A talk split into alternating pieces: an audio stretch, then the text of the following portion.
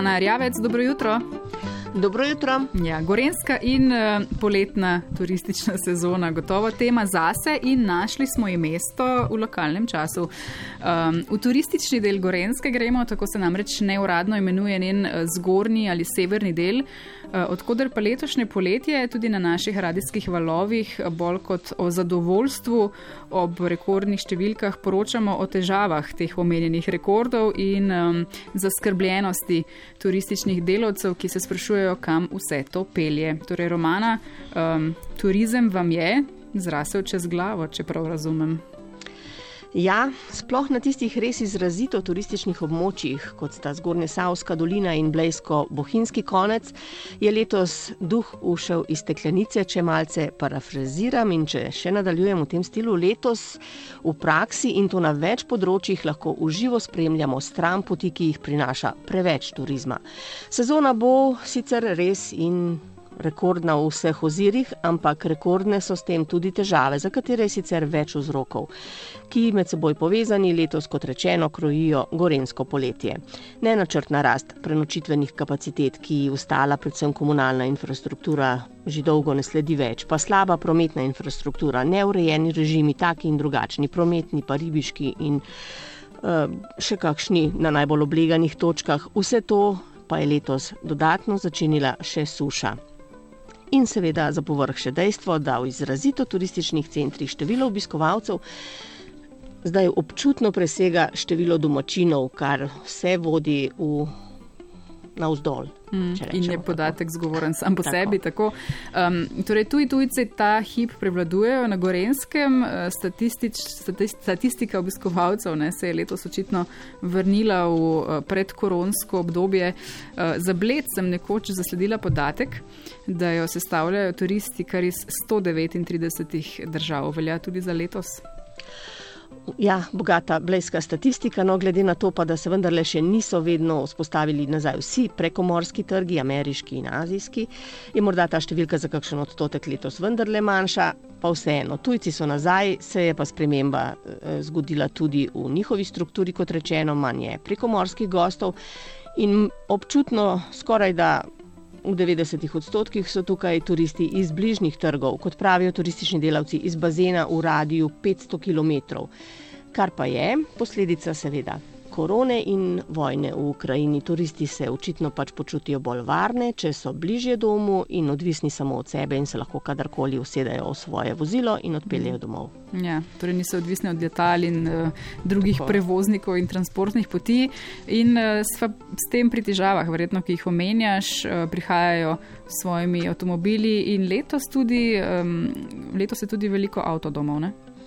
Ja, tudi o vsem tem smo že poročali, tudi na naših valovih, uh, in ja, seveda to sproži potem domine težav. Pomankanje parkirišč, prenapolnjeni kempi, zastoji na cestah, kampiranje potem na črno, iskanje obvozov po lokalnih cestah, kampiranje na zasebnih zemljiščih in enormno povečanje števila kršitev zaradi upoštevanja vseh teh pravil.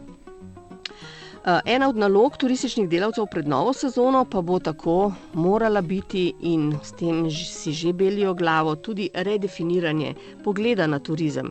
Poslušajmo, poslušajmo kako razmišlja direktor bohinjskega turizma Klemen Langus tako dejansko v čim večji meri na pravilen način skomunicira, da pač je nekje prepovedano, nekaj nekje pač dovoljno in to je treba upoštevati. In to je ta princip dnevne sobe. Ne. Če jaz pridem v, nek, v območje nekoga drugega, potem dejansko se obnašam tako, kot so tam postavljena pravila, ki jih je nekdo pripravil, zato da se jaz dobro tam počutim in ne zato, da bi meni onemogočil eno doživetje. In tlej treba enostavno vrč žogico tudi na stran, na stran gostov. Ne? Tako nekam grem, se pripravim, pogledam, kaj dejansko tam je možno, kakšne so pravila in potem to upoštevam. Se pravi, ta za mene so razmerne floskule, gost ima vedno prav, ni, ni več aktualna in ne sme biti več aktualna.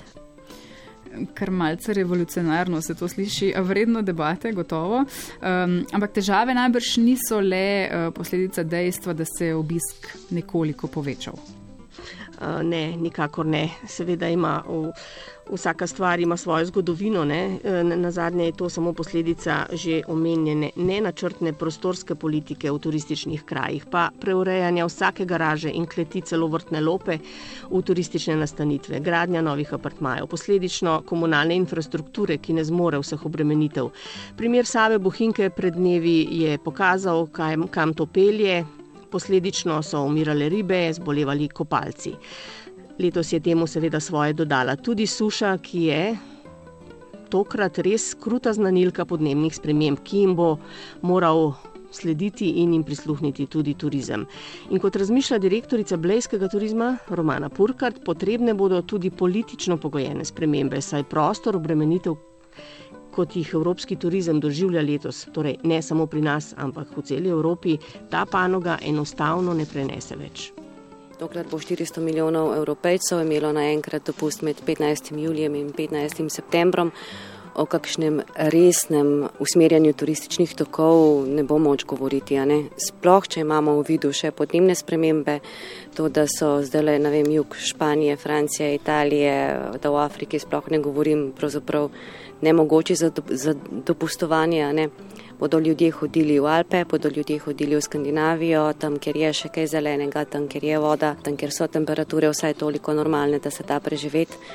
In uh, mislim, da smo pred velikimi, velikimi izzivi.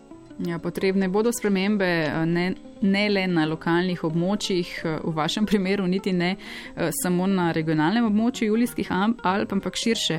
Um, potrebne so spremembe, ne, ki bodo vse te milijone ljudi na počitnice pognale, ne vse naenkrat, ampak v daljšem časovnem obdobju, ampak kako to izvesti, je pa verjetno vprašanje za milijon dolarjev. Za milijon dolarjev. Ja. ja, točno tako. No, že ob omenjenih klimatskih spremembah se namreč tudi obdobje toplega vremena podaljšuje pozno pomlad in jesen in to je morda ena rešitev, vendar treba je ljudi zmotivirati, da res ne vidijo vse samo v tistih dveh mesecih in tistem vročem poletju ob morju, pa tudi v Alpah, očitno, ne, kamor bežijo tisti, ki pa vročine ne marajo. Torej, tukaj je prostor za ukrepanje, no in seveda nujno je, da tudi občinski odločevalci spoznajo, da je to, kar gledamo letos, odmik od tako opevanega trajnostnega turizma, sploh pri nas na Gorenskem in v Alpah in v Julijskih Alpah, ki si jih omenila, da gre bolj kot to za razprodajo našega naravnega bogatstva, ki ga bomo enkrat uničili in s tem bomo uničili tudi turizem. Tega se, po moje, še ne zavedamo prav za res. In skratka, leta in leta se je debelil tale gordijski vozel, zdaj se bo moral najti junak ali junaki, pravzaprav več njih bo potrebnih, ki bodo znali, kot si rekla, najti recept, da se ta trend ustavi. Roko na srce pa, kot smo tudi že rekli, ne, naloga ni lahka, recepta pa tudi ni mogoče prekopirati, ker ga očitno tudi druge še iščejo. Mm. Ja, problemsko je tole jutro zdaj nastalo, ampak vseeno me zanima, ne, kaj pravi druga stran, torej turisti, kaj pravijo. No, na srečo, razen gneče in prometnih zastojev, ki pa so jih navajeni, nismo zaenkrat za turiste nič posebnega. Velika večina tega, smo, o čemer smo mi dve zdaj govorili, še ne opazi, oči imajo pač samo za lepote, ki jih obdajajo in o gorenski govorijo o superlativih, nekako takole moji sogovorniki, ki sem jih pred dnevi prestregla v Bohinju. Oh, it's beautiful. The lake are very uh, beautiful, especially Boavian Lake. So we decided to go to, to the Triglav. It's really beautiful, and we had a great time here. It's really very nice. It's it's lovely here, and we had e-bikes, so we we could go to the mountains, to the lake, and everything. It was perfect. Ja, anketa med turisti, ki torej govorijo o superlativih, um, Blejsko, Bohinsko jezero, Triglav.